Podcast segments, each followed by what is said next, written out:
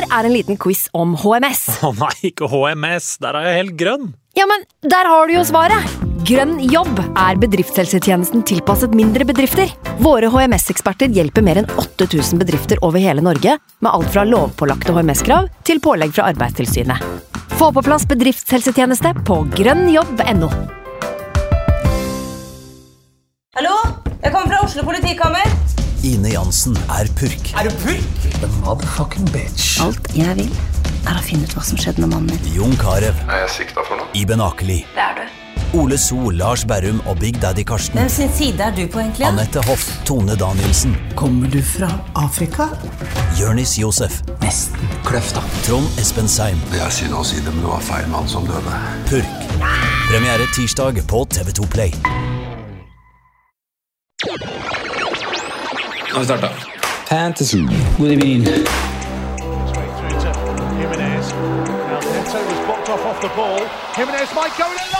God evening.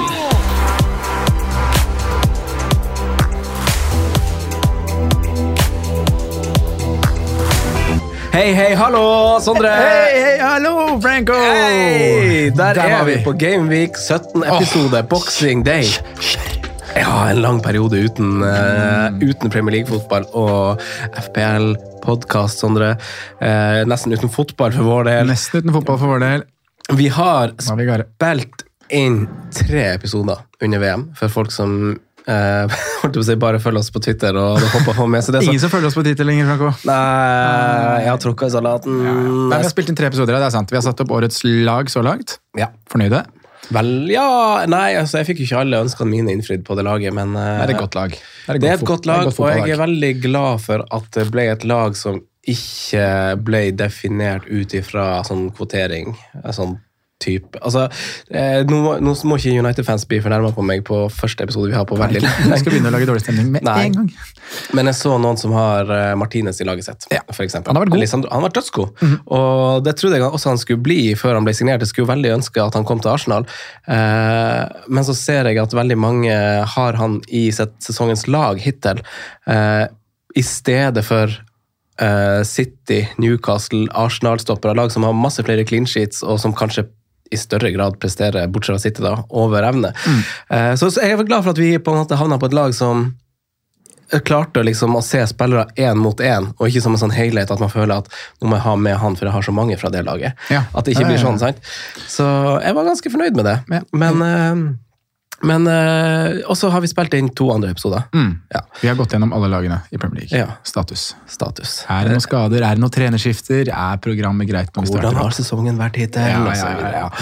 Hey. Fancy råd on. Vi har gjort det. Ja. Og så har vi oppretta ny Twitter-konto. Ja, Eh, bare start der, du.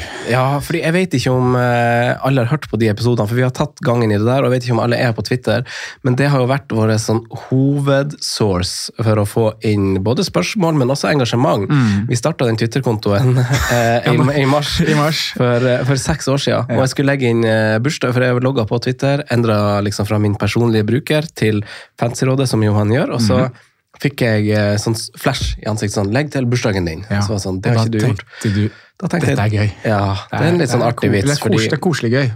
ja, for det er en litt intern spøk hvis man hører på den første episoden av Fantasyrådet, altså, for den er så klein å høre på, og der sier jeg noe sånt som kontoen vår åpna i mars, Ja. og så blir det pause i ti minutter eller noe sånt. Eh, Så jeg skulle gjøre det, og så skulle jeg legge, legge et bilde til dere at vi hadde fått bursdag, men det resulterte jo i at brukeren vår ble lost, og det er helt sprøtt at det res- tilsynelatende resulterer i at brukerne våre har blitt sletta. Det virker faktisk sånn. At uh, siden vi la inn feil bursdag, så får vi ikke tilbake kontoen vår. Uh, Og det er jo en tid hvor Twitter er eh, ganske Jeg vet ikke hvordan Twitter har vært å få tak i tidligere, men akkurat nå så har det vært litt omveltninger i Twitter, kan man si. Litt Ja. nye eiere og sånn.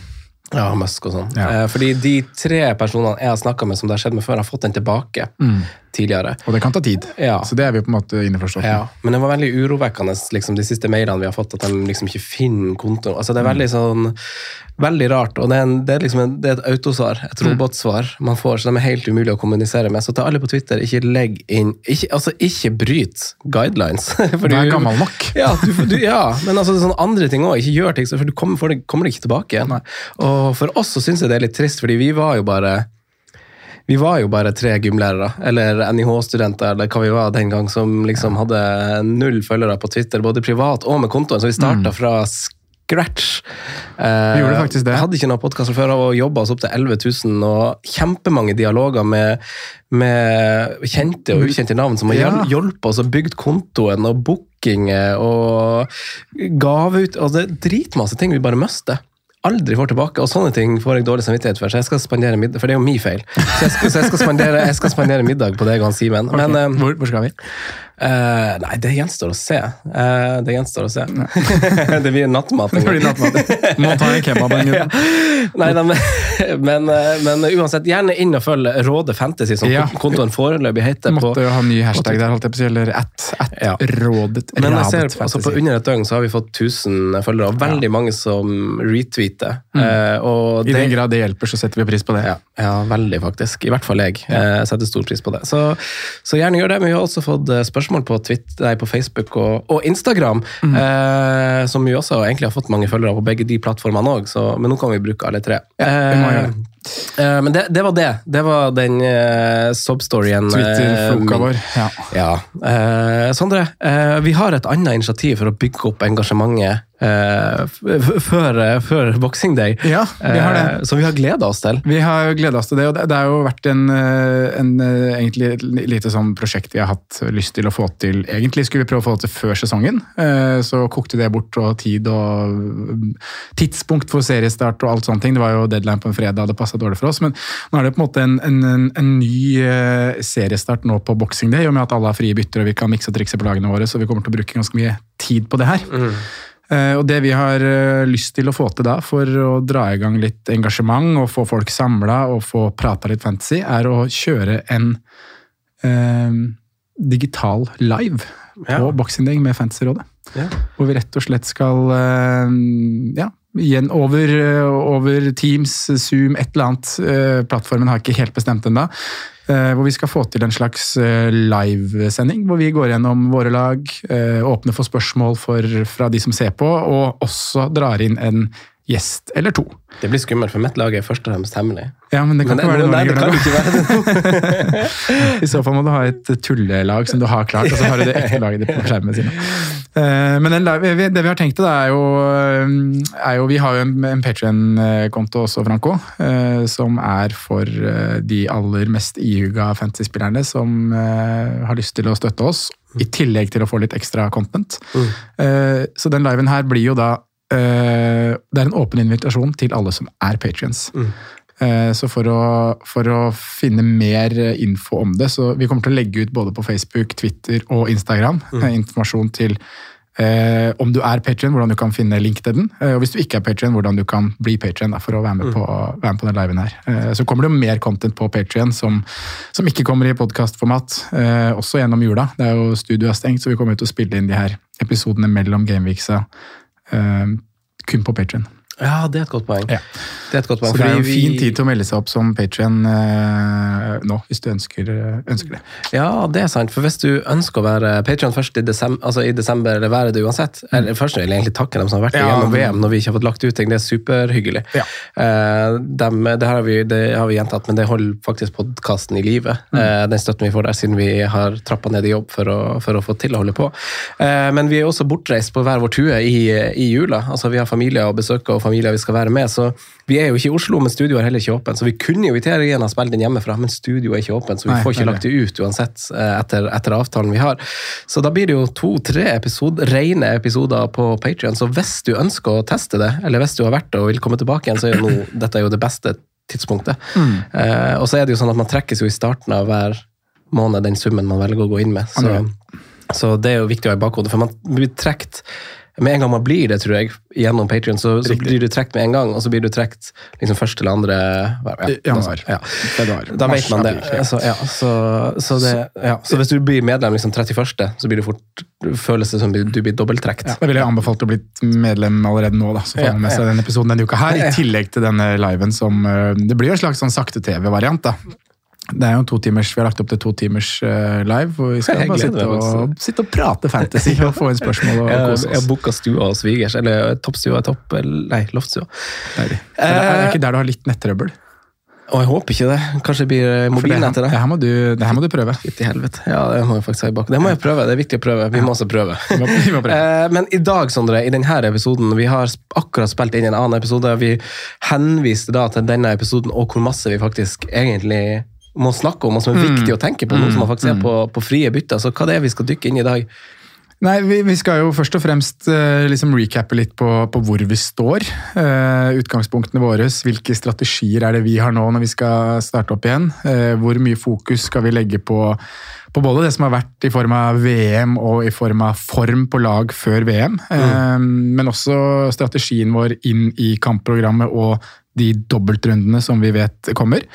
Eh, Det skal diskuteres, i tillegg til at vi må Ut ifra det da, så blir det jo en sånn her eh, inn på spillere, inn på navn, inn på budsjett. Eh, hvordan skal vi løse premiumsfloka, hvor mange skal vi ha med oss? Er det noen som er 100% låst? Er det noen vi er usikre på av ulike grunner? Og da blir det også en fin prat om lag som kanskje utover liksom. Alle vet at vi skal se til City, alle vet at Arsenal har vært kjempegode, men utover de topplagene der er det andre lag med fint program som vi, som vi har liksom et ekstra øye på nå, da, når vi skal starte opp igjen. Og så er det noen, det er noen spalter. eh, Noen eh, spalter vi har hatt før, og kanskje en, eh, en ekstra liten julespalte som er lagt inn i Og programmet. så har- han Simen er jo sjuk, det har Ja. vi glemt å sagt, for han var borte fra forrige episode også, som vi har spilt inn samme dag. Men jeg har også en overraskelsesspalte. Nå blir den bare til deg, da, som du ikke har fått forberedt. Så heng med til, til siste slutt. Snakkes! Hei.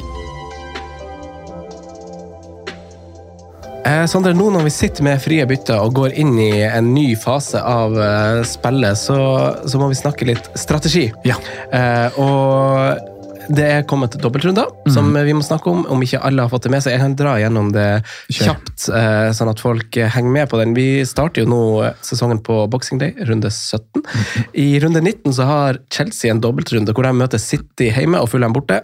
Og så møter fullenda da Leicester borte og Chelsea hjemme.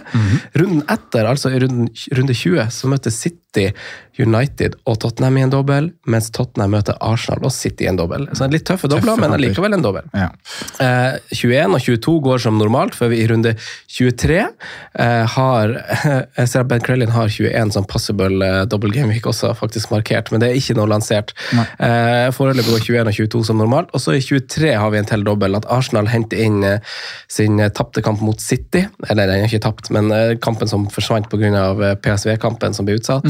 Eh, Hjemme mot Brentford og City har Arsenal en dobbel, mens City har heime mot Villa og borte mot Arsenal en dobbel. Men det er, det er så lenge til som runde 23. Men på 1, 2, 3, 4, 5, 6, 7 runder Mm. så har vi tre dobbeltrunder, eh, hvor bare to lag har dobbel i, i de.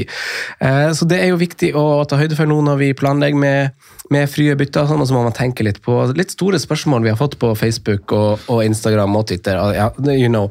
Eh, om form fortsatt gjelder fortsatt. Hva tenker du om det etter en VM-pause? og Folk drar inn f.eks. Almiron som et eksempel her, som jo svevde, gikk på vannet eh, før, eh, før VM-pausa. Om liksom ødelegger en sånn pause et sånt moment.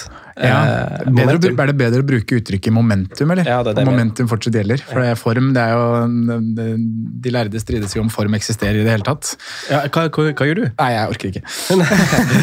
jeg, jeg, jeg tror eh, form eh, avler selvtillit, og selvtillit finnes. Ja. på en måte. At du, du går ut på banen med at 'fader, i dag kommer jeg, alt funker', jeg kommer til å gjøre det Ja. bra. Og det eksisterer. Det er jeg helt enig med deg. Form fins. Ja. Ehm, så ja, det er jo et veldig godt spørsmål. uh, om på en, måte, en sånn periode som vi har vært inne i nå med en lengre pause, kan være ødeleggende for, for, uh, for lag og spillere. Uh, og jeg veit ikke helt hva jeg tenker selv. Ehm, jeg tenker at Hvis det handler om at laget har overprestert og hatt mye tur, mye stang inn, og egentlig ikke har hatt så gode resultat, nei, gode prestasjoner, men fått gode resultater, så ville jeg vært litt sånn bekymra for en pause. Men når et lag har prestert godt og fått gode resultater, så ville jeg ikke vært så bekymra.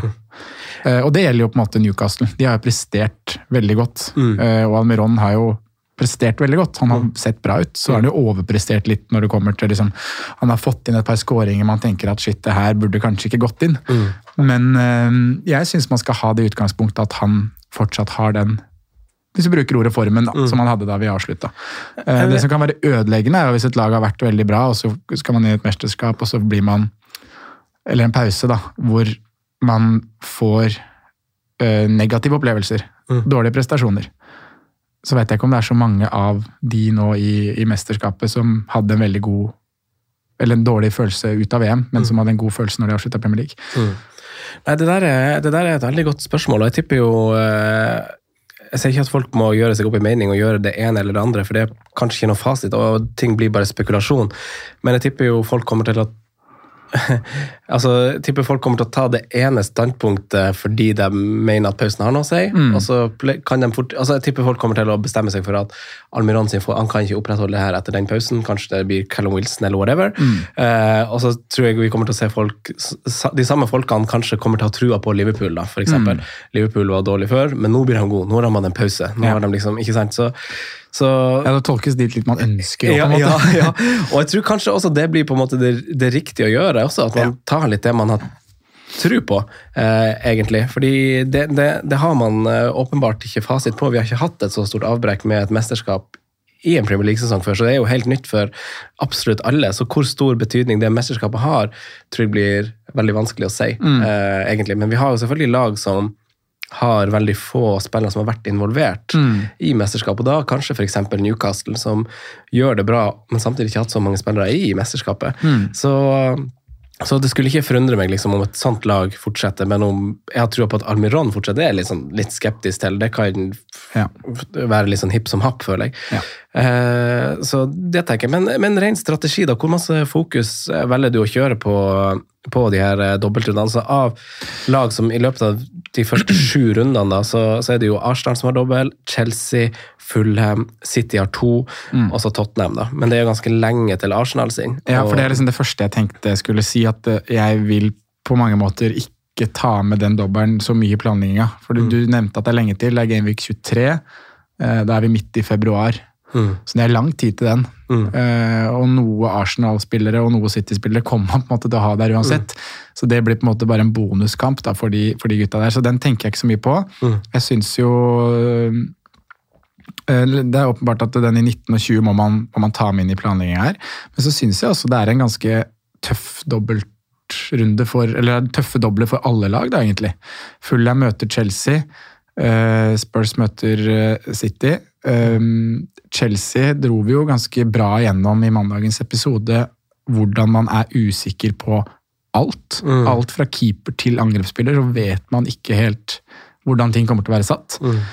Um, derfor er man kanskje der at man må se Chelsea i, i to runder før man kan velge helt hva man vil gå til. Men samtidig så er det to runder man veldig har lyst til å ha Chelsea-spillere, for de har, de har Bournemouth og Nottingham Forest. Så um, det laget jeg på en måte har vært Eller de lagene jeg vet at jeg kommer til å ha spillere fra som også har dobbel, er jo City og uh, Fulham. Mm. For det er også Fulham har jo Der har man liksom sikre alternativer som man vet man kan, kan enten ha på banen eller på benken i 17-18, og så spille det i runde 19. Mm. Eh, Spurs egentlig bare ett alternativ i, i det laget. Jeg så litt på, på, på underliggende tall, og jeg kan, kan dra det litt inn når det, det passer. For jeg prøvde å summere litt opp, eh, opp aktuelle lag og, og toppliste og bunnliste og sånn. Men sett på eh, Vi snakka litt om Chelsea, som du sa, på mandag. og Man kan dra gjennom det litt igjen, så, så folk som bare hører denne episoden, får det med seg. Men det er veldig lite kontinuitet i klassisk Potter on, egentlig, i, i hvem som spiller der. Det er liksom én ting, men se på expected goals conceded denne sesongen. og Da, da jeg valgte å bruke hele sesongen og ikke bare de fire siste kampene eller noe sånt på Fantasy Football Scout, fordi jeg føler at det kanskje er mer vesentlig eh, nå når man har hatt så langt avbrekk. Men altså, expected goals conceded, her har du bunn. Bournemouth, Crystal Palace, Wolverhampton, Nottingham Forest, Chelsea. Eh, så de har eh, veldig dårlig expected goals kan si det. De har forventa å sluppe inn masse mål, egentlig. Eh, og så har de litt bedre enn de andre lagene her på de andre statistikkene jeg har sett på som skudd mottatt i boks og store sjanser mot, men likevel også der godt plassert på, på nedre halvdel. Og offensivt så har vi sett at de plages, de mangler kanskje den, den boksåpneren, og han har kanskje ikke helt funnet formen. Du ser det også på spillerne, det er lite kontinuitet i hvem som faktisk spiller. Det er skader. Siek har vært i, i mesterskap. Eh, Mount er den som har vært, spilt masse. Aubameyang, litt sånn som spådd, får det ikke liksom helt til. Broha er nå skada. Havertz har ikke tillit. Eh, Stirling er det noe rart med akkurat nå, men er kanskje Og så er det Mount som er den trygge.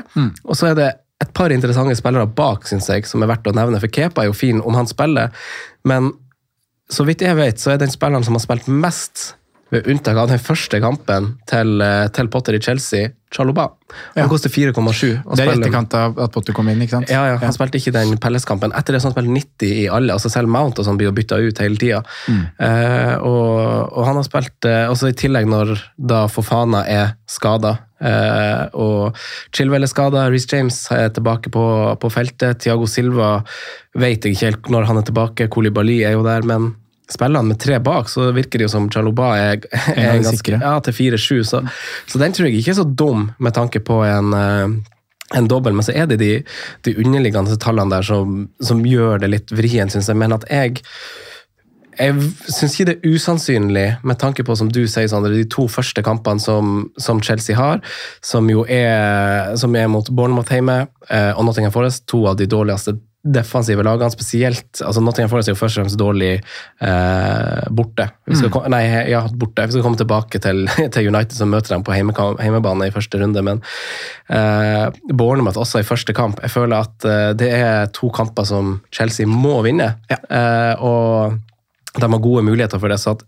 jeg står med to Chelsea-spillere eh, når vi starter på Boxing Day, tror jeg er ganske sannsynlig. Eh, å satse på den oppsida, i hvert fall gitt den posisjonen jeg er i. Eh, og de kampene de har. De har fire kamper de første, første tre rundene. Men, da- men da tolker jeg det dit at det Sjaloba er egentlig en av de du vurderer ganske høyt opp på den lista, da. Ja, for da kommer vi tilbake til eh, kanskje det som blir et litt et, et, et, det som burde være litt større tema med hvor mange premium vi skal ha. Ja. Eh, fordi det er klart Reece James er høyaktuell, men Mm. så er det noen spørsmål man må stille seg. Du var inne på Tottenham òg. Eh, hvis du ser på, på, på forsvarere som er gode offensivt, så, så har du jo eh, Så har du jo eh, Wingbacker i Tottenham er det jeg skal fram til. Er kjempegod. Eh, det har jeg vurdert. Jeg har vurdert Gabriel på stopperplass for Arsenal. Vi skal sikkert komme tilbake til det òg. Det er jo bare Skjer og van Dijk som har flere avslutninger i boks enn Gabriel av stoppere. Cancelo overlegent flest touch i boks av forsvarere. Eh, Dalot fjerde mest. Og her kommer liksom Chelsea og Tottenham inn med sin dobbel. Kan man stole på wingbackene i Tottenham, for de er supergode, de som spiller. Veldig gode tall, om det er Cézignon, om det er Emerson Royal, om det er Perisic, som jo nå spiller bronsefinale. da. Sånn, hvem, hvem, stoler man på? For hvis du går og sorterer etter minutter i Tottenham, så er det ikke til å bli klok på det heller. På samme Nei, måte som i. Chelsea. Liksom, hvem, hvem skal du ha? Og jeg, jeg, jeg syns jo du sier svaret til deg selv der, på en måte. Du, Erik Dyer. ja, få det på. Nei, men når du, når du går inn og ser på minuttene til Pedersen, så er det ikke til å stole på. Og det kommer du heller ikke til å være gjennom jula. Da er jo kampene tette. Han er jo en av de som man kanskje skal snakke litt om, da hva han har gjort under VM og hvor mye belastning han har hatt. Som du sier, han har spilt en bronsefinale. Så, så det er på mange måter helt uaktuelt for min del altså å gå inn i det mesterskapet her med en roterende wingback fra Tottenham, selv om det høres veldig fristende ut fordi underliggende tall og prestasjoner har vært bra. Det er feil tidspunkt å velge roterende er spillere, faktisk. fordi nå har du Altså, juleprogrammet denne sesongen er tre runder. Vi mister Mm. den kampen som er før jul, men eh, 17, 18 og 19 eh, kommer veldig tett på. Ja, Datoen er liksom stort sett eh, det er 28., 31. og, Og jeg, tipper, 4. ja, og jeg tipper jo de gutta der bare starter én eller to hver, Ja. eh, de wingbackene. Så, så det er kanskje liksom ikke riktig tidspunkt å, å søke den oppsida, at oppsida kanskje er stabilitet. da. Mm. Eh, og om, jeg vet ikke, Erik Dyer til 5,2 syns jeg fort er for pff, kanskje for dyrt. hvis jeg føler, Ja. ikke, jeg føler ikke at de clean sheetene er altså, Hadde det vært en uh, for, Hadde det vært et kjempefint program Jeg syns programmet til Tottenham er litt for tøft til å dra med en forsvarsspiller derfra. Jeg, Ja, jeg altså, tror de kommer til å slippe inn ganske Eller jeg tror de kommer til å slippe inn mål både mot Nå må jo Tony selvfølgelig eh, avklares, da. Men hvis Tony spiller, så er Brentford borte tøff. Gode underliggende tall. Brentford, spesielt på hjemmebane, som du dro gjennom på mandag. Villa stigende kurve med ny manager. Også, de slo vel også Chelsea i en treningskamp her nå tidligere i desember. Så er det Palace borte. Arsenal City, så nei, trenger ikke noe defensivt fra Tottenham. Nei. Nei, det, Men eh, tilbake til Chelsea, da. Sjaloba 1. Offensivt, er det liksom Er det Mount du tenker som aktuell da, eller er det sånn at du Altså- vil trikse og mikse med noe Abomayang? eh, ja, altså, Abomayang hadde jo kanskje vært eh, en man kunne triksa og miksa med, men eh, Sterling. han koster 8,7. Uh, og spissplassen er vanskelig, for det er kamp om beinet blitt, Mm. med tanke på dobbelen vi har fått. Og så skal jeg dra opp noe litt interessant nå, Sondre. Uh, fordi uh, runde 19 Det som skjer i runde 19, er at, at altså, Hvis spillere har fått Da, snu, da utvides gult kort-soninga. Ja. Men hvis et spiller får gult kort, sitt femte gule kort altså i runde 19 til og med, så må han stå over en kamp. Ja. Mitrovic og Kane har begge fire gule kort. Mm. så, så de kan faktisk i teorien eh, 18 eller 19 ja. eller 20. Eh, og det er kanskje spesielt eh, kjipt for eh, altså For du mister kanskje en, en kamp i dobbelen, da. Mm. Sant? Eh, og for Fulham sitt vedkommende, du får Palace og 15, og så er det litt kjedelig hvis du eksempel kapteiner Mitrovic da, i, i runde 20, og så får han gult kort mot Leicester borte, og så får han bare den kampen, og så ikke den andre. Uh, Så det er derfor du skal velge Aubameyang, er det du sier? Nei, ja, Du skal ikke ha Kane og Mitrovic, men du skal ha to andre spisser. for De står på fire gule. Jeg skal ha Enketi. Ja. Nei, vi, vi snakka om Arsenal også. og Enketia, jeg tror første kampen mot, West, Westham er en eh, fin kamp. Det er et stort slag i trynet å få Jesus skada for totalpakken Arsenal, selv om eh, man kanskje håper at han skulle skåre flere mål. Han har også masse målgivende som bidrar på en helt fantastisk måte. så Han er en helt super spiller og et kjempestort eh, tap for Arsenal, men samtidig så tror jeg at eh, man må justere litt. og Vi husker hvordan Nketia var på våren. Eh, Mm, jeg tror Enketia har mer mål i seg enn det Jesus har. Eh, selv om han er dårlig i alle andre faser, så er han god foran mål. Han er litt e- egoistisk foran mål òg. Eh, så en, en frekk spiller å ha i, i bakhodet. Eh, men, men, Men da ikke pga. dobbel, da, hvis vi fortsetter å velge spillere ut fra dobbeltrundene. Og det, det, det er jo det jeg føler jeg må gjøre. Ja. Så jeg ender nok Litt. på, på, på Kane, Mitrovic og Haaland, føler jeg. Jeg Ja. føler nesten at det er ganske klink, altså. Og det er litt dølt. Jeg er jo ganske enig med deg i det, og jeg syns også det er ganske dølt, men det er ganske riktig òg. Men eh, sånn utover de, da vi, nå har vi snakka Chelsea, vi har snakka Spurs, City naturlig, de kommer vi til å komme mer inn på i premiumspraten. Um, Fulham var det jeg skulle til. Vi ser vel ikke til defensive alternativer i Fulham, selv om de har en dobbeltrunde og, eh, og ganske fint program i, eh, i 17-18. De møter jo Palace borte og Southampton hjemme før de får den dobbeltrunden. Likevel så er det egentlig kun to alternativer som er aktuelle Mm. eh, å gå med. Ja. Det er et lag som har sluppet inn bra mål, men også skåret mye mål. Det er generelt mye mål i kampene Fulham spiller, så, så sånn sett så Altså det hadde, ganske greit å gå Mitrovic. Ja, helt enig. Altså kunne man liksom Man kunne ha talt Leno sin sak Ja, til en viss grad, for du får noen redninger der. Ja. Eh, og, og så kan du se på tabell og se på tall og sånn, og Bournemouth har sluppet inn mest, men er jo igjen midt på tabellen når det kommer til store sjanser mot. og altså De fem svakeste lagene på, på tall er jo Fulham, Leeds og, og Liverpool, som alle har 40 store, over 40 store sjanser mot, etterfulgt av Southampton Forest og Chelsea og Pelles. Men underliggende tallmessig så er Fulham og Forest de er egentlig i en dårlig klasse for seg. Eh, og Fulham burde ha sluppet inn nesten mer mål eh, enn det de har. og eh, det, altså, selv om de har dobbelt, så er det ingen grunn til å sånn jeg ser det, å velge Fulham defensiv. Og to fine kamper opp mot òg. Eh, møter, møte Pelles borte i første kamp, den tror jeg de eh, taper. Og så er det Southampton hjemme mot ny trener. Jeg tror de er gode favoritter i den kampen, men allikevel så så, så Hvor mange mål tror du de skårer? Du tror de taper Palace-kampen. Eh, Southampton hjemme er jo litt sånn bingo-match. Spørs om Mitrovic soner eller ikke. Ja, ikke er, er, det sånn at du vurderer å, der. er det sånn at du vurderer å ikke dra med Namitovic fra start her, basert på akkurat det du sa nå? da? Palace i 17, tror du de taper? Uh, Nei, han, Mitrovic tror jeg skal med. han skal med uansett. Ja. Ja. Det tror jeg. Hva med deg? Nei, jeg, jeg blir jo litt sånn Han kan jo være en spiller du bytter inn i double game week 19.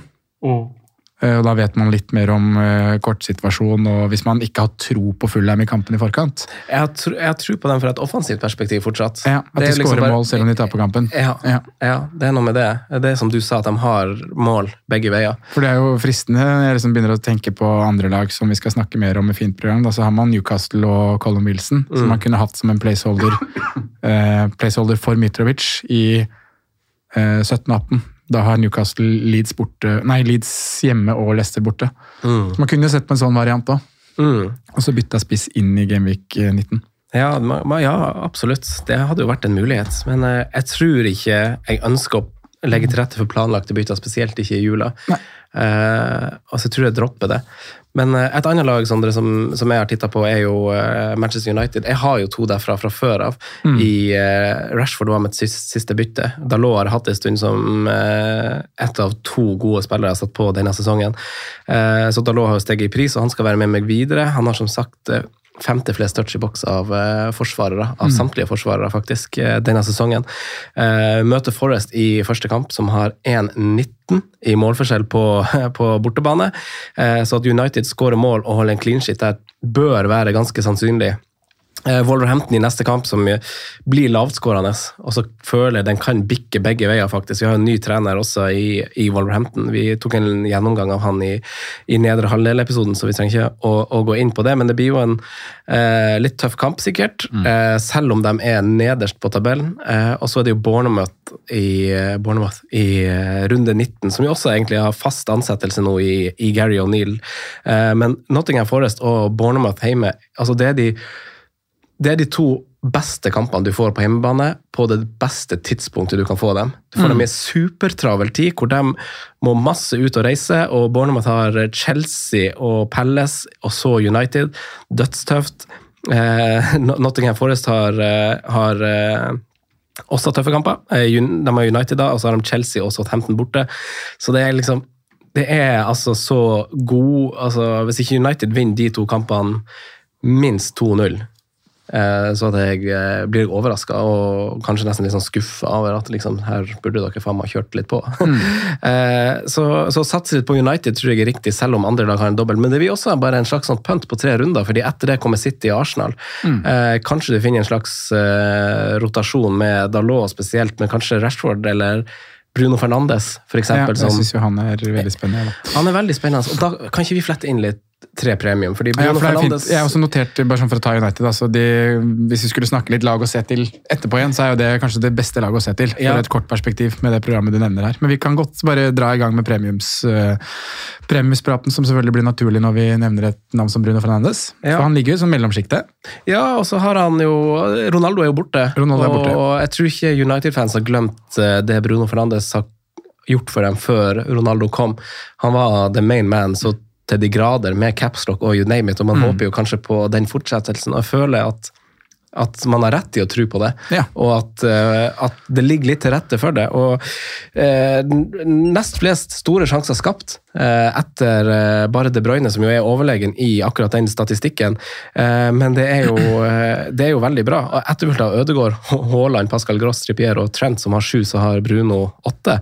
Eh, KDB har som sagt flest, så et helt kanon punt eh, fra start. og jeg tipper kanskje vi vil se noen folk eh, kapteinene òg i, i den runden. Eh, selv om eh, vi har en uthvilt eh, Erling Braut Haaland som skal bort og spille mot Leeds. Så å møte Nottingham Forest som lekker som ei sil på bortebane mot et United som har tilsynelatende kvitta seg med et virus og, og kanskje er nå på vei å bli frisk, eh, tror jeg, jeg tror det er et riktig lag å satse på, i hvert fall. Om det er Bruno Fernandes, Rashford eh, Vi har jo også Du, du nevnte Sancho-trøbbel i forrige episode, Sondre, så det må man jo selvfølgelig følger med på. Men eh, også Anthony eh, i samme lag. Så det er spennende å spille United til en fin pris.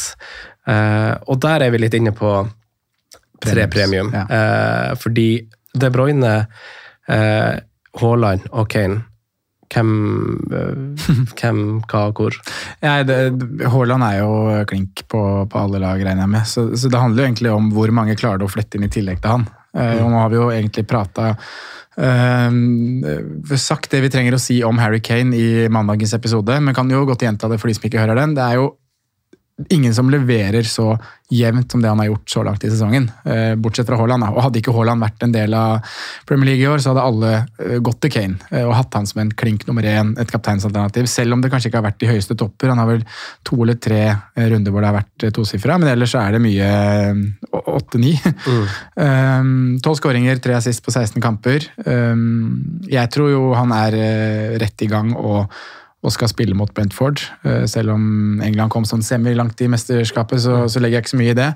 Um, og, og, og da vil jeg ha med han. Så det, det koker liksom ned til at de to er satt. Eh, og, og så må man jo da begynne å trikse og mikse på laget og se om man klarer å og skvise inn en Kevin De Bruyne, eh, en Mohammed Salah. Eh, De to er liksom tre og fire på lista. Kevin er kanskje foran Kane, for jeg har veldig lyst til å ha Kevin De Bruyne. Eh, På tross av Tottenham sin uh, dobbel der.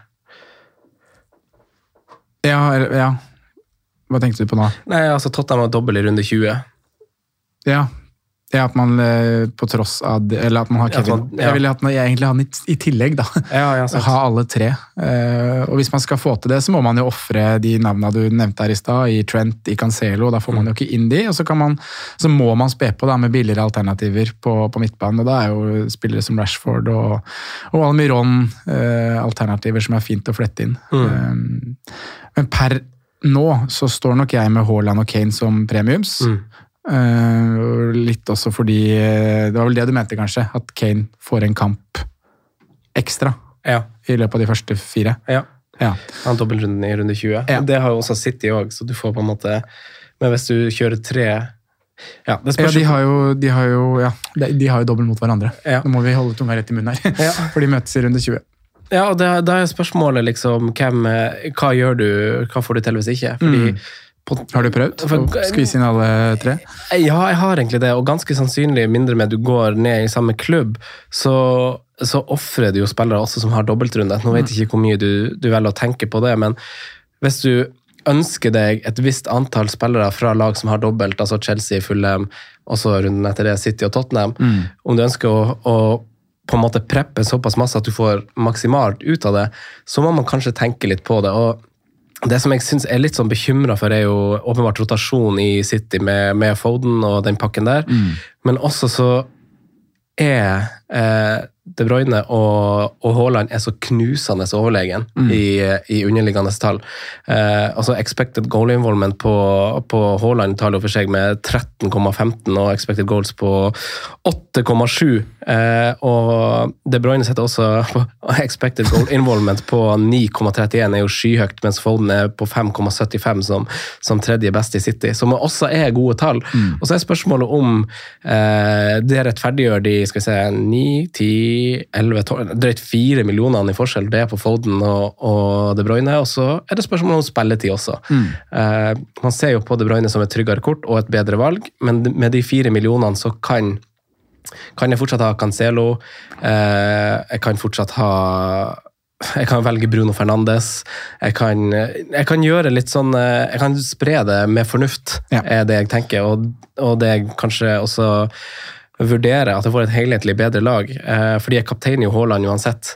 Og, og ja, det, det er vanskelig. Så det, er liksom, det, det, det er det her jeg må finne ut av før jeg fortsetter draftene mine. For hvis ikke så er alt arbeidet bort, bortkasta. Ja, er. Eh, hvor lyst har jeg på Bruno Fernandes, Cancelo og det her i stedet for Rashford eh, Jeg vet ikke om det blir Akanji eller om det blir Chaluba, eller hvem det blir, men liksom Men den- der tenker jeg mye av nøkkelen, da. For, for du kan hente inn ganske bra med penger ved å nedgradere en del spillere i forsvar. Eh, Og, og, og mye av nøkkelen ligger jo der om det tør å gå uten uh, Trent og Cancelo, for eksempel. mm. For uh, Trent har vi kanskje ikke med. Nei, jeg Kan vi ikke være der bare si at den ser ikke vi til akkurat nå. Nei, jeg dropper, jeg dropper Trent, jeg dropper Liverpool. Det har, Ja, det har jeg dropper faktisk startet med. Jeg dropper Salah. Ja, øh, og, og, og da har du eksempel Si vi setter opp et forslag forsvar med en fire blank forsvarer. Eh, Vi setter opp et forsvar med Si at den dyreste spilleren du har med, er Trippier. da. Ja. Og at du finner spillere som kan På en måte Sjaloba, Mm. øh, 4-7. Dalot, 4-5 for din del. Mm. Eh, 4-8 ellers. 4-8 ellers, ja. Eh, Trippier, eh, fire blank forsvarer. Og så kan du ta en punt som Kyle Walker, da. Mm. Til 4-8. Da har du en spiller som har vært skada store deler av eh, høsten, men som har eh, kommet seg tilbake, spilt litt VM, er frisk. Kan han være et slags City-alibi inn i 17-18 og Gameweek, double Gameweek 20? Da har du et billig forsvar, og da kan du klare å få til Haaland, Kane, De Bruyne. Mm. Um, I tillegg til Stopper, Pereira, det? Rashford. Akanji, som spilte, virker å være Premier League-stopper. Mm. Eh, Tør du det? Jeg frykter jo rotasjon på bekkene òg. Ja, det blir, jo, det blir rotasjon der. Du gjør det på en måte innforstått med at du kommer til å få en kamp på benken. Og ref det vi snakka om for Spurs, så er det kanskje ikke riktig vei å gå. Nei, jeg snakker, føler, gjør- snakker litt mot oss selv her, men Ja, det føler det gjør, er at du får, du får plass til Haaland, De Bruyne, Kane.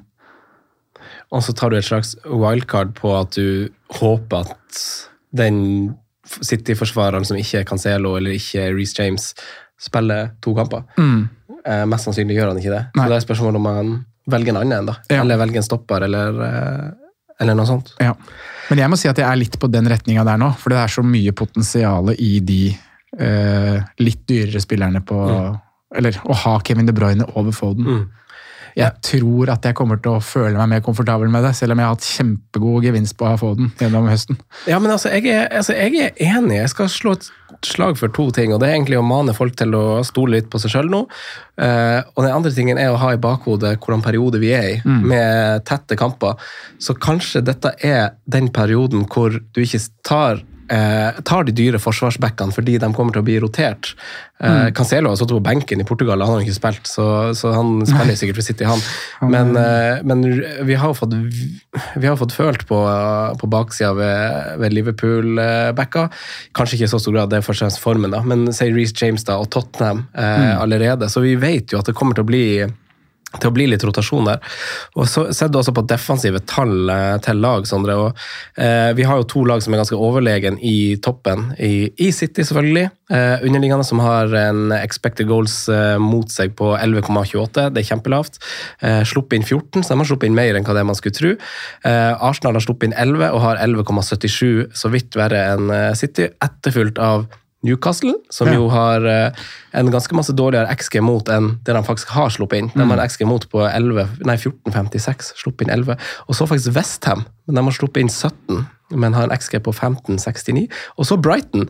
Og så har jeg vært valgt å dra med Tottenham og United, selv om de ikke er på expected goals i liksom godsida, men de deler nest færre store sjanser mot eh, altså sammen med liksom Arsenal. og sånn, så de er, de er egentlig ganske bra. De er foran City og, og Newcastle der, så, så det er verdt å slå et slag for Tottenham og United. Så at jeg skal ha med en United-forsvarer til, på det budsjettet de ligger, er ganske klink. Eh, jeg vurderer Arsenal og jeg vurderer Ramsdale, eh, Sondre, for han er på 4,9. Eh, og jeg syns vi så liksom Arsenal har jo sluppet til veldig lite, som jeg akkurat sa, og det kan du også se på hvis du ser på skudd mottatt i boks osv. Så, videre. så vi har ikke fått sett de her eh, redningssida av han, men nå har de, som du var inne på på mandag, et litt tøffere program hvor vi kanskje kan få se det, men så er det også en dobbel. Så som et langsiktig valg å kjøpe han til 4-9 når eh, backene også her er usikre eh, i den perioden. Saliba har vært med Frankrike hele veien, ikke spilt, men han har vært med. Så vi får se om han går rett inn eller om White er stopper og Tomiyasu starter. Det vet vi ikke. Venstrebekken er usikker. Gabriel er jo klink. Eh, og som jeg sa i stad, veldig, veldig målfarlig, uh, men koster 0-3 mer. Så hvis du vil ha en keeper som også på sikt har dobbel, og som kanskje får noen redninger inn her nå, ikke så dum. Uh, men så jeg vurderer forsvarere fra City, United, Arsenal. Da inkluderer jeg et keeper, altså. Newcastle. Eh, Tottenham, Newcastle Chelsea. eh, og Chelsea. Og der tror jeg jeg vil plukke seks spillere fra de seks lagene, faktisk. Uten å gjøre noe mer sånn hokus pokus ut av det. Det høres veldig riktig ut. Ja, altså Det er bare å stokke om på å finne, finne riktig, Riktig konstellasjon. For jeg, eh, Hvis jeg skal følge liksom min magefølelse, som har litt lyst til å gjøre, så føler jeg for tre premium. Ja, og, Og- da og er ganske lett bake. Haaland, Kane, Kevin De Bruyne. Ja, Enkelt og greit. Det er mett rekkefølge. Og gjør man Haaland, Kane, Bruno Fernandes, Mm. så blir jo alt ganske mye enklere. Ja. For da har du litt mer penger å gå på. Den, ja, helt riktig. Mm. Så den nærmeste liksom, forsvarsspilleren som er premium, som jeg vurderer som, Den er kanskje eneste som jeg kanskje kommer til å gå med, er Cancelo. Mm, Eh, Og så er den som liksom puster han i nakken, er Reece James. Ja, han må jeg si at uh, han er veldig høyt oppe her, altså. Ok, Hvorfor det? Se Nei, på, det- se på Ja, jeg vet sesongen. det. Jeg har, jeg har ikke noe annet godt argument, Franco, enn at hvis han er klar til å starte en kamp, så kan du alltid forvente deg å få en 20 poenger. Ja, ja. Det er ikke noe mer enn det. Uh, og vi kan se på sesongen hans hittil, og sesongen hans i fjor og året før der, og det er minutter her og der, og ut og inn, og skader og lår og lysker og alt du kan få. Ja. Men starter han en kamp, så er det alltid et skyet potensial. Mm. Uh, og man kan jo liksom håpe da, at uh, pausen har gitt en Mm. rom for, for rehab og helbreding, og at kroppen er på et godt sted. Mm. Men du er jo også på en slags eh, opptur, eh, Sondre. Hei. Eh, for du er, du er den første av oss som har eh, kommet inn på sekssifra omsider med ei solid grønn pil på, på siste runde før pausen. Hvordan, hvordan føler du at strategisk tankegang skal man ha nå, eh, ut fra der man ligger? Altså, tenker du man skal tenke veldig trygt hvis man er misfornøyd? At man skal ta, tror du det er rom for sjanser nå? Vi, vi toucha litt innom det i den åpningsepisoden vi hadde her når vi gikk gjennom lag, og det er jo helt klart rom for sjanser. Men jeg vil jo Jeg var jo veldig tydelig på at jeg har bare lyst til å jeg har lyst til å følge mitt eget fundament nå. Mm. Og gjøre jobben selv, på en måte. Og, og, og, og ta de valgene jeg selv stoler på. For det fungerte veldig bra de siste par rundene inn mot VM. Mm. Uh, så er det det er det som Jeg er litt redd for at det ikke er rom for så mye sjanser, fordi ting blir ganske satt. Mm. Jo nærmere vi kommer deadline, så peker det seg ganske tydelig ut hvilke veier du skal gå, hvilke spillere du skal ha pga. Eh, lag er så gode, noen har dobbelt runder, eh, sånne type ting. Mm. Men jeg håper at vi kan få en liten ehm, ubalanse, da, om du kan kalle det i at noen velger trepremiumsvarianten som vi går, Mm. dropper litt dyre bak. Noen har med de dyre bak om å gå litt billigere på midtbanen. Noen har fortsatt tro på Liverpool, kjøre Sala, Darwin, Trent. Eh, at man kan få litt, eh, litt mer åpne landskamp. Um, så det er på en måte der det er rom for gambling. Mm. jeg kommer jo til å være veldig tro mot eh, Erling Haaland når det kommer til kapteinsalternativet. Liksom. Han er kaptein i 17, 18, eh, 20, 21, og så må man gjøre en vurdering på runde 19. Da, hvor jeg ser for meg at da er det annerledes kapteinsvei. Mm. Når han har Chelsea borte, og det er en dobbeltrunde for Fulham og, og Chelsea. Mm. Så rom for å gjøre noe annerledes, men jeg sliter litt med å se hvor man skal ta liksom, de store sjansene. Men det å Mm. få med seg Kevin Haaland, Kane, da. Mm. Det er en sånn type øh, vei som kan gi deg noe, kontra veldig mange andre. Ja. Og jeg tror jo også, jeg er helt enig, vi kan snakke litt om uh, midtbanen da, Sondre. For jeg, Mm. jeg føler at det er eh, man lokkes jo av å få til de her dyre spillerne. Det virker Mm. bare som at man er litt skrudd sammen sånn. Oi, hvis jeg henter en million der, så kan jeg få Bruno Fernandes. Og så Mm. må man veie litt opp om kanskje Det her er bare et eksempel, men om Rashford er god nok for eksempel, til 6,7, eller det han koster. Er det ikke noe sånt han Jo, koster? for det blir jo litt sånn Kevin og Rashford, Mm. eller Bruno og Foden. For eksempel. Ja. Du kan klare begge delene. Ja, Hva er den beste totalpakka? Ja. Og det, altså begge altså, både, Alle de her spillerne skilte jo egentlig med, med gode tall, så derfor er det litt sånn vanskelig. Det blir litt sånn fingeren i lufta å, satse, egentlig. Eh, men jeg syns jo eh, veldig mange kan snakkes en god sak før du altså Hvis du ser på tallene til United, så er de en slags light-versjon av City, hvor eh, City har Haaland som har de store sjansene, eh, og er overlegen i den stetten, og så har du Bruno Fernande, nei, De Bruyne som skaper de store. og Det samme kan snus om på, men i liksom lavere skala, med Rashford og Bruno Fernandes i United. Eh, så du kan jo på en måte slå et slag for, for begge løsninger. Eh, så nei, den eh, Jeg vurderer i hvert fall eh, Rashford. Hva tenker, hva tenker du mer om midtbaneløsninga? Um, jeg, ser på han som et uh, aktuelt alternativ sjøl. Um, og så er det jo noen andre navn som dukker opp her når man sitter og, og koker for Kevin, ikke Kevin. da. Uh, men Martinelli har vi jo nevnt innom, jeg tror han kommer til å være med. Både basert på at jeg har bundet opp mye i verdien, men også fordi han spiller uh, i et godt lag og har et helt greit uh, program. Uh, så blir det jo mer på han og Saka nå som Jesus er ute, men, uh, men han er med. Og så er det egentlig ganske mange navn som peker seg ut som aktuelle, litt avhengig av hvilket eh, hvordan man velger å disponere midlene her. Da. Jeg ser jo at jeg får, en, jeg får en veldig fin midtbane med Martinelli, Bruno Fernandes, Phil Foden og Mason Mount. Det er, alle de er jo fire høyaktuelle navn, av ulike grunner. Eh, I tillegg så har man en spiller som Wilfred Saha, som har to kjempefine kamper i 17 og 18. Som man kan ta med seg. Han har Fulham og, og Bournemouth uh, i de to kampene. Um, og så er det Rashford, da, som du, som du dro innom. Så det er vel en, Bolka ligger vel der.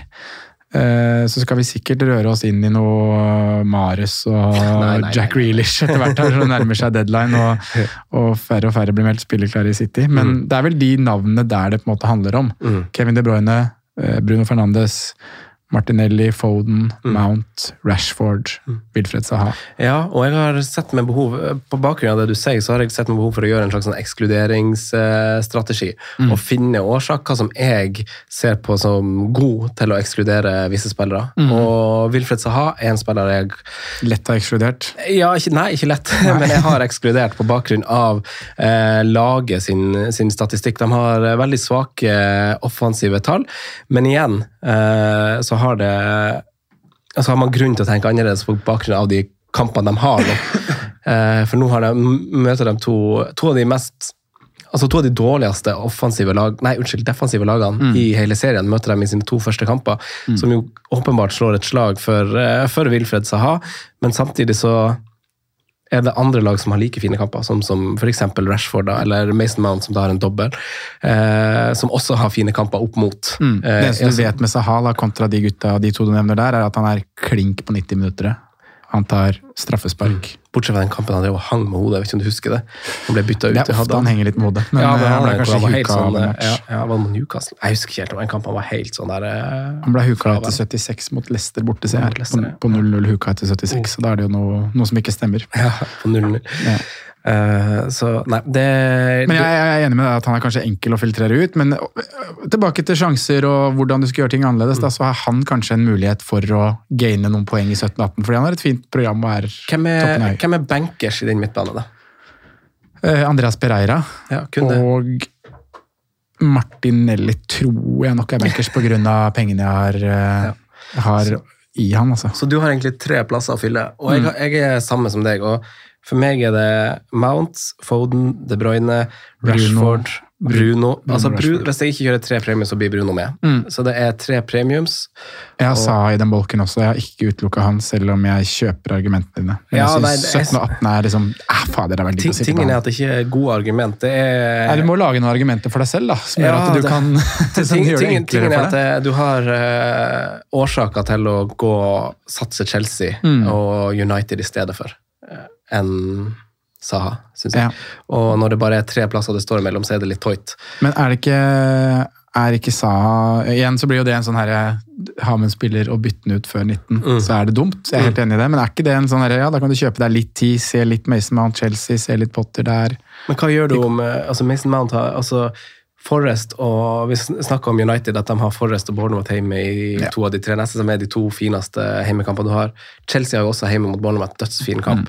Mm. Jeg vil jo Du vil ha meg Mount i de kampene. Ja, altså du kan havne i en situasjon hvor han gjør det skikkelig bra da, og så eh, blir du satt i en sånn situasjon at oi, nå må jeg få han på før prisen hans stiger, Mm. og så vet du liksom ikke helt hvordan du skal, skal løse det. Så nei, det, Nei, det er sant, det er sant, det. det er egentlig en konstellasjon mellom eh, tre premium og eller, og eller Bruno. Ja, for dropper du, dropper du Kevin, så blir det jo ganske rett fram, egentlig. Mm. For da kjører du, da tar du sjansen på Bruno Fernandes. Ja. Så kjører du Mason Mount. Spørsmålet om du kjører tre United, da. Ja, for det, spørsmålet er hvor mange offensive skal du ha fra City? Om du dropper eller sånn, Haaland er klink, men dropper du Kevin, hva gjør du da? Ja, er Kjører du Foden? De har faktisk, altså Det er tre runder til City sin dobbel, eh, faktisk sånn sett. Så de trenger ikke å fylle hele City-kvota sånn sett. Nei, men de to i 17-18 der, da. Leeds borte og Everton hjemme. Ja. Ja, man vil jo, eh, og City er så overlegen òg, så man vil jo bare ha det.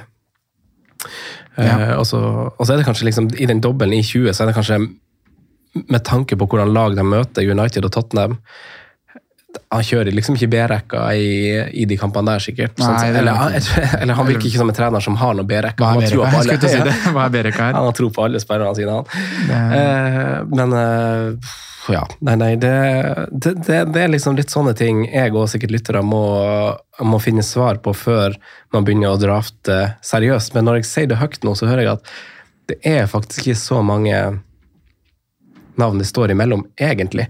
Eh, og så er det litt artig, fordi vi har ekskludert liksom Vi har ikke nevnt Almiron, eksempel. Som, Jo, for han, jeg skulle til å dra opp han her, for han, jeg tror nok han må inn i for min Liverpool del. for den. Ja, Liverpool er nok litt ekskludert, altså. Ja. Vi kan kanskje dra litt innom Darwin og sånn, men øhm, han òg faller liksom mellom to stoler når du skal ha med Haaland og Kane, så blir det vanskelig å få inn en nimillionersmann i Darwin. Ikke snakka om Ødegaard og Saka. Nei, det er spillere som kan gjøre det.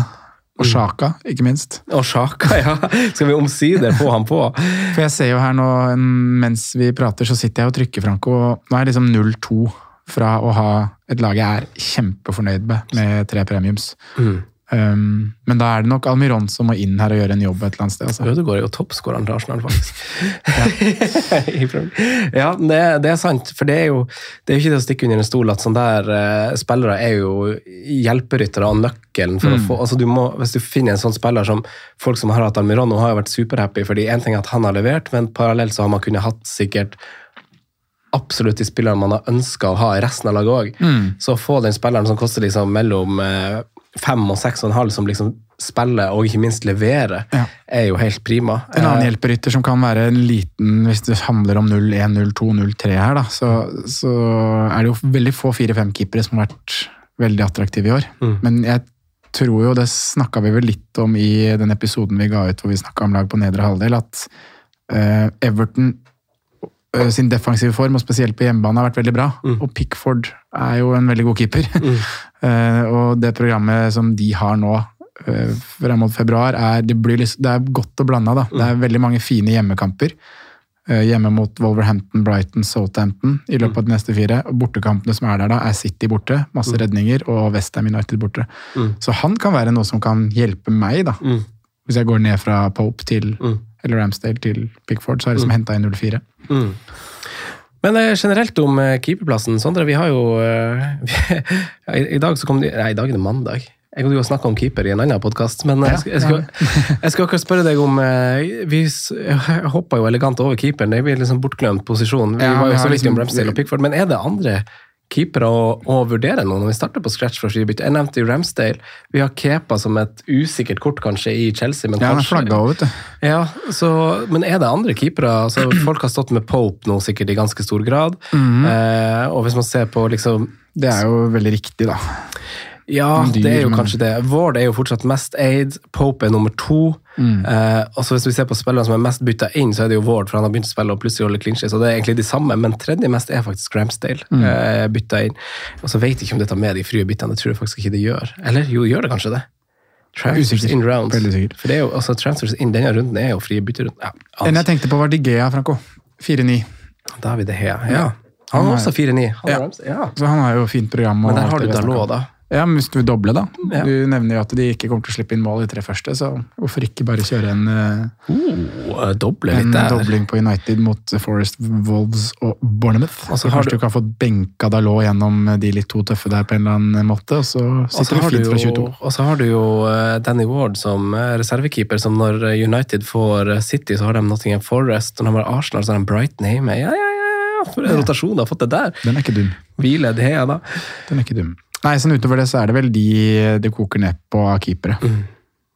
Da har vi kanskje vært igjennom alle posisjoner. Summerer litt opp, da, Sondre. Vi er på tre premiums, mindre med vi går eh, Bruno. Bruno. Vi er kanskje samstemt der. Mm. Eh, lag å se til, Sondre. Da har jeg Vi har snakka lite Arsenal, Saka og, og Ødegaard i tillegg til Martinelli, men eh, sånn, sånn lag sånn åpenbart å se til, syns Mm. jeg er Chelsea, City, Tottenham og United og Fulham, Ja. faktisk.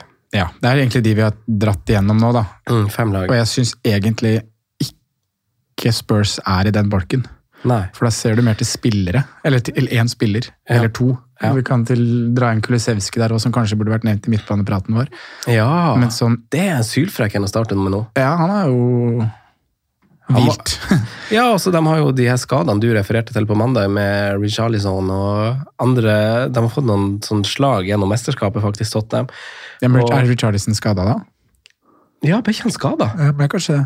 Jeg lurer på det, Ja. faktisk. Om, jeg tror jeg refererte den bare fordi han har vært litt god. ja, men jeg, ja, men jeg lurer på om han Ok, da, nå ble jeg plutselig usikker. Men jeg lurer er i hvert fall ute, det vet vi. Ja. Han, eh, at da må ikke folk eh, tro meg. Jeg leste bare en, eh, en overskrift. Jeg skulle selvfølgelig trakte på artikkelen, det var litt dumt av meg. Men eh, jeg gjør research på Richarlison. Men Kulisevskij er jo uansett det vi skal fram til. Som, eh, som jo hadde en, som var et punt vi vurderte før mesterskapet. mm, det var det. To siste runder der. Så um, Det er liksom det jeg mener med Spurs, at du går Kane eller, eller du går Kane, og så hvis du skal ha noe mer enn det, så styrer du unna de wingbackene og sånn som jeg snakket fint om, men det er liksom Kulisevskij som er mann nummer to. Ja, Asylfrek, Han burde faktisk inn i den bolken, synes Ja. jeg, hvis du går for to premium. Ja, Nok en vei å gå annerledes. Ja. Um, ja, United, åpenbart lag å se til. Jeg har skrevet ned to lag til som vi ikke har snakka så mye om, og det er litt basert på kampprogram. Um, og at uh, Bowen og Westham Ja. kan være noe. Møter Arsenal i 17, men etter det så er det ganske fint. Mm. Uh, Brentford, Leeds, Wolverhampton, Everton i de Ja. fire neste. Det er det faktisk. Eh, også en annerledes rute, da, Mm. som kan gi deg noe. Eh, og så har du programmet jeg refererte til med Pickford og defensiv valg i Everton. Mm. Mye fine hjemmekamper som kan være noe. Mm. Skal vi bevege oss til uh, våre julespalter, Sondre? Yes, da gjør vi det. Og så hopper vi til spalten.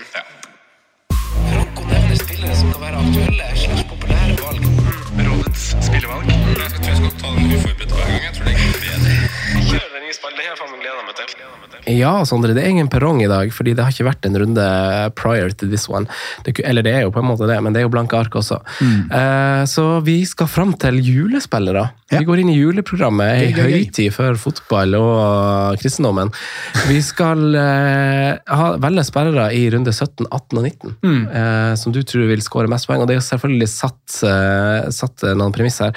Eh, Simen får jo ikke deltatt på det, så vi får ikke de her eh, yolo-valgene hans. Eh, Nei. men vi kan prøve å gjøre et kvalifisert uh, gjetning på hver, eh, hver eneste, så vi tar gjetning gjetting hver for hva vi tror han Simen ville ha gjort. Det er gøy. Ja, og når han, eh, Det er gøy. ja, Ut av boksen. det gjør vi. Hvordan forsvarer har du til maks 4,9? Han spiller i Manchester United, spiller høyreback. Diogo Dalot til 4-8. Ah, han var min andre mann. Ja, Eh, jeg syns var- programmet der eh, det- er for godt til å være sant. Med Ja. de to hjemmekampene og bortekamp mot et lag som ikke scorer mål. Så jeg støtter jo deg på minst to og nesten tre clean sheets. Og så har han jo vært gyselig offensiv òg, da. Så kanskje han kan snike med seg noe mer. Absolutt. Jeg holder, Men det er flere gode valg, altså. Så ditt valg er sikkert godt. Få høre. Ja, altså, jeg har jo en som er dobbel. Ja. Jeg valgte det. Jeg vurderte, ku, eh, jeg vurderte ikke Kukurea. Shaluba. Shaluba. Ja, det er fin. Jeg tar- jeg, jeg, jeg, i, han kan få tre kamper, da. Det er det som på en måte er for man ikke vet. Ja. Jeg eh, har valgt, I denne konkurransen har jeg en råsjanse på at han får fire. Ja. At han fortsetter eh, Potter-trenden. Men igjen, det er eh, tidspunktet eh, av sesongen nå hvor eh, spillere blir masse rotert. Eh, samtidig så er ikke han i en posisjon som krever så masse rent fysisk som f.eks. wingbacker, og så er det en del skadesituasjoner også i Chelsea som man må, først og fremst egentlig må følge opp. Gå på nettsida på det laget du egentlig vurderer generelt, og se på om eh, spilleren din trener og er tilgjengelig. Eh, hvem hvem velger han Simen, ifølge deg? Ja. Eh, nei, skal vi si uh, det, det- Han eh, vil jo ha Han kom jo på da når du sa at det var dobbeltmuligheter her, så da kom han på en spiller fra et lag som har dobbel. Så da drar han en uh, Robinson, han. Ja, En Fulhambeck. Ja, ja, ja. Han er på gule kort, han òg. Det har ikke Simen fått med seg. Nei. Så han kan få en kamp eh, suspendert der. Ja, Eh, da vel- velger jeg en annen spiller for han, eh, som han har eh, kjempetro på. For han spilte 90 minutter mot Tottenham, som hans eneste 90 minutter denne sesongen hittil. Men han tror han er i elva nå, og han heter Konaté. Han spiller for ingen ringere enn Liverpool. Koster, koster. Ikke dum, ikke dum. Nei da, jeg skal ta et reelt valg for ham. Jeg hadde også tenkt å gå til Fulham for han, skjønner du. Eh, han kom, han kom, hadde ikke kommet til å velte en Liverpool-spiller. Jeg måtte bare ta en Liverpool-spøk på hans bekostning der. Ja. Eh, men da tror jeg han Simen går for Han er jo faktisk litt yolo, det må man jo aldri, aldri glemme. Eh, men han er jo ikke et brødhue som sådan, så han eh, vel, Har han ikke en annen forsvarer han er veldig glad i Fulham? Som han, Tosin. Ja, kanskje det. Han har ikke spilt det i det siste, da. Har han ikke det? Ja, det blir, kan jeg ikke bare si at det blir noe Fulham, da? Om det er Robinson, Diop du, eller Tete du, det, blir, det blir Robinson. Ja. Jeg, jeg hadde tenkt å se en Fulham sjøl, og det er kanskje det beste valget. Ja, det det. Eh, hvordan midtbane har du, og hvordan midtbane har Simen hos deg? Oi, sorry. Um, midtbanen er litt mer vrien, eh, da. Det blir jo en av de mm, gutta som vi snakka fint om mm. i episoden. 7-5 er maks. Ja, det er fint for lytterne å vite. Eh, Så det står jo egentlig mellom Skal jeg si hvem det står mellom, eller skal jeg bare si hvem jeg velger? Eh, Det bestemmer Hva du vil du, Nei, hva vil du, Franco? Jeg vil eh, si at du skal stå med hvem det står mellom. Ja, Da står det mellom Marcus Rashford, som har et kjempefin treer. Det står mellom Andreas Pereira, Oi! som kommer til å spille 90 minutter i fire kamper. Ta noen dødballer og, og være der. Eh, Det er litt tull, å si òg, men ja, han er i hvert fall den som er sikker i fire kamper. Og så står det mellom Mason Mount. Ja, ja, of course. Mm, ja, det er de tre jeg egentlig tenker på først. Mm. Og her er det sånn der, det er et tilbakevendende tema, det òg, Franco. Hvor, hvor mye vi legger i en dobbeltrunde, og Mm. hvilke spillere er det vi dropper nå fordi, fordi Mount har dobbel. Mm. Sånn. Almiron. Han har ikke sykt gode tall, liksom. Nei, altså, han det. er overgått av Er så mange spillere, og Chelsea har ikke så gode tall. Fjottete også driver drive og bable om Tingen er at han har dobbelt, men han har også fine kamper rundt i forkant og etter. Mm. Fra et offensivt perspektiv så har de eh, faktisk tre, altså, fire av deres fem motstandere på de fire rundene, om du henger med på den, har dårlige svake tall. Mm. Dårlige svake tall. Dårlige svake dårlige tall. defensive tall. Dårlige Eh, det er jo. City som, er, som skiller seg ut der, men Pelles dårlige tall, Fulham dårlige tall, Forrest dårlige tall, Bournemouth dårlige tall. Ja. Så det, det er liksom å søke den oppsida mot at nå møter de motstand som kan forbedre tallene hans. da. Ikke sant? Jeg er veldig Mason Mount. Ja, jeg velger Marcus Rashford. Ok, det Jeg går, for jeg går for en kapp mindre. Og det er, føles jo på mange måter i sånn fantasy-øyemed veldig dumt. Men jeg syns jo de kampene er så fine. Og taket hans er høyt. Ja, jeg stiller meg bak den. Han Simen har gått til samme lag som deg, Sondre, men han har valgt han Antony. Ja, ikke sant? Snurrer litt på sida der. Antony, hvem valgte du for han? Um, Wilfred Saha. Ja, se der, Saha. Eh, Da beveger vi oss på topp, eh, Sondre. Her, er, her kan ikke du strekke deg lenger enn til 8,5. Simen har Er det det Mitrovic. var, ja? Simen har Mitrovic. Ja, Det Simen er har ganske høy, ganske høy grense, Ja. men du kan ikke ta Darwin og sånn. Nei, for det var det Simen i meg ville gå for, da. Ja. Han har Eh, Mitrovic her. ja. Det, det er jo det riktige. Å gå Mitrovic. Har vi alle Mitrovic? Ja, vi har det. Ja.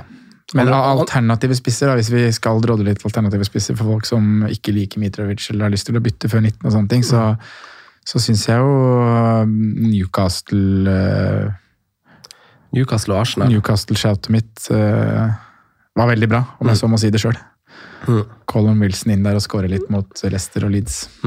Jeg gir også name-droppet Nketia på samme, samme her. Eh, da har vi den eh, ferdig, Sondre. Da vet man hva man syns er de beste valgene innenfor gitt- gitte Oh, yeah. Ja. okay. Eh, nå skal jeg fram til den siste spalten, Sondre, som er De hotte. Ja. Eh, og det er spillere som hittil i sesongen har vært vanvittig masse eid. Og som er bakgrunnen i det vi har snakka om i dag. Eh, Form tar de med seg videre, osv. så stuff. så har jeg tatt de tre mest eid i hver posisjon. Så må du si ja eller nei til om de blir med videre. Mm. Trippier. Ja. Cancelo. Nei. Saliba. Nei. Det er de tre mest eide forsvarsspillerne i snakkende stund. Ja. På midtbanen i, i rekkefølge Martinelli. Ja. De Bruyne. Ja. Almiron. Oh, den er vrien. uh, ja, han fortjener det. Han, jeg syns han skal uh, ha, få lov, få muligheten til å bevise at han ikke bare har hatt flaks. Haaland. Ja. Kane. Ja. Mitro. Ja. Det er faktisk de tre mest eide spissene. Eh, Sondre, Det da fortsetter gjenstår det bare å be følgere på Twitter eh, Nei, følgere, lyttere, følge oss på Twitter. Ja, Eh, inn og jobbe. Instagram og Facebook òg, for den saks skyld. Eh, vi kjører den liven på Patrion, og så vil jeg ønske riktig god jul. Mm. Takk det til samme. alle lyttere. Sondre, jeg og du kommer til å snakkes, eh, det. men vi kan godt ta, ta den. Jeg, jeg, jeg trodde du sa det til meg, men vi sier det til alle sammen. Tusen takk for følget denne høsten, og ikke minst dette året, for dem som ikke er Patreon, som ikke får med seg de tre- to-tre neste episodene, eh, og hører stemmene våre før januar. Mm. Eh, veldig hyggelig at man hører på podkasten vår. Det var litt, litt rart å ha juleavslutning nå når du liksom akkurat har kommet i gang. Så skal du begynne å takke, takke for høsten. Men, ja, men vi har spilt inn flere episoder, Ja, så, så hvis folk ikke er mett, så har vi spilt inn tre episoder til. Årets lag og, og Høvra og Nedre Halvdel. Så fire episoder ligger faktisk fortsatt man kan høre på som er, Og så, er så, så går det jo kort tid der, da. Ikke sant? Nå er vi, på, vi er på Hvilken dato er det i dag? Det er onsdag eh, 21. slippes episoden. Mm. Det er jo Plutselig er vi 2. januar. Mandag så sitter vi her og dunker på. Plutselig gjør vi det. Plutselig gjør vi det. Eh, tusen takk. Tusen takk. Snakkes neste gang. God jul. Ha det. God jul. Straight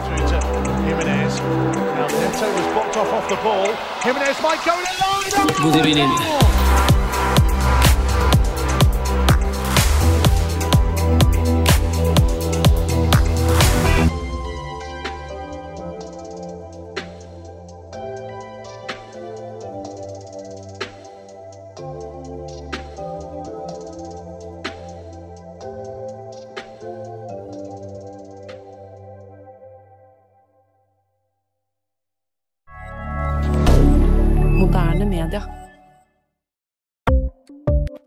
Ukens annonsør er Folio, en smartere banktjeneste for deg som har en egen bedrift eller ønsker å starte for deg selv. Folio er en superenkel nettbank for bedrifter.